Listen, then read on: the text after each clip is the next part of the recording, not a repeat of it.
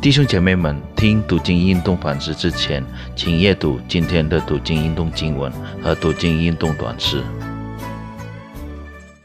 祝你弟兄姊妹们，大家平安！感谢上帝今天赐给我们机会，能够一起来聆听并思想上帝的话。我们今天要一起来思想的主题是：上帝能找到艺人吗？经文取之以西结书二十二章。聆听上帝的话语之前，我们先一起来祷告。爱的天父，全能的主，我们感谢赞美你，谢谢你赐给我们生命。主啊，我们现在要来到你的面前，聆听你的话，求你赐给我们聪明智慧，让我们能明白。并活出你的话，感谢主，奉主名求，阿门。以西结书二十二章重复或者解释了导致惩罚的罪孽，与第二十章审查与以色列人在整个历史中的罪恶相比，第二十二章中的谴责定为针对那时代人。尤其是针对领导人的法庭审案，他们的罪恶很多：白偶像、滥用权力、暴力或者流人血、诽谤、亵渎安息日、奸淫、贿赂，以及其他社会不公正和自我放纵。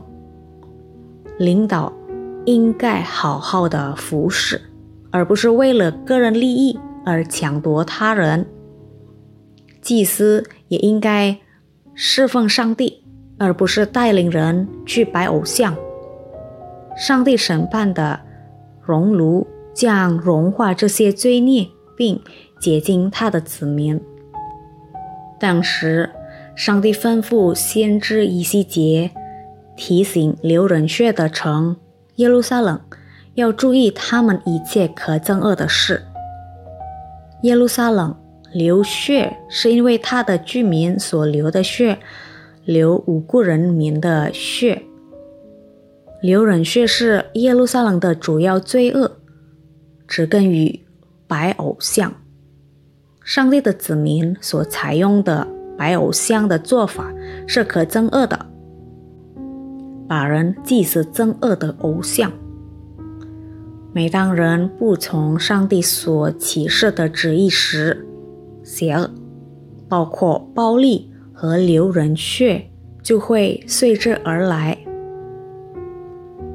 我们看，从一节到十六节，“血”或者“流人血”的这个词被提了到七次，这个是对上帝的越一种恶行。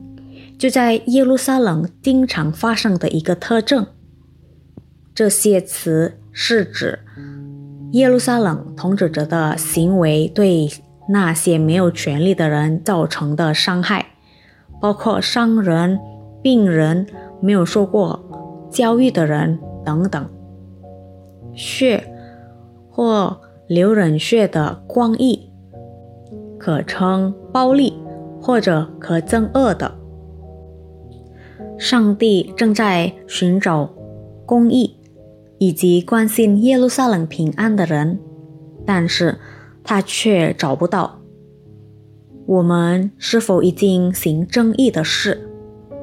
作为基督徒，我们是否已经为这个国家做出贡献？我们有没有为这个国家和领导们代祷？我们祷告。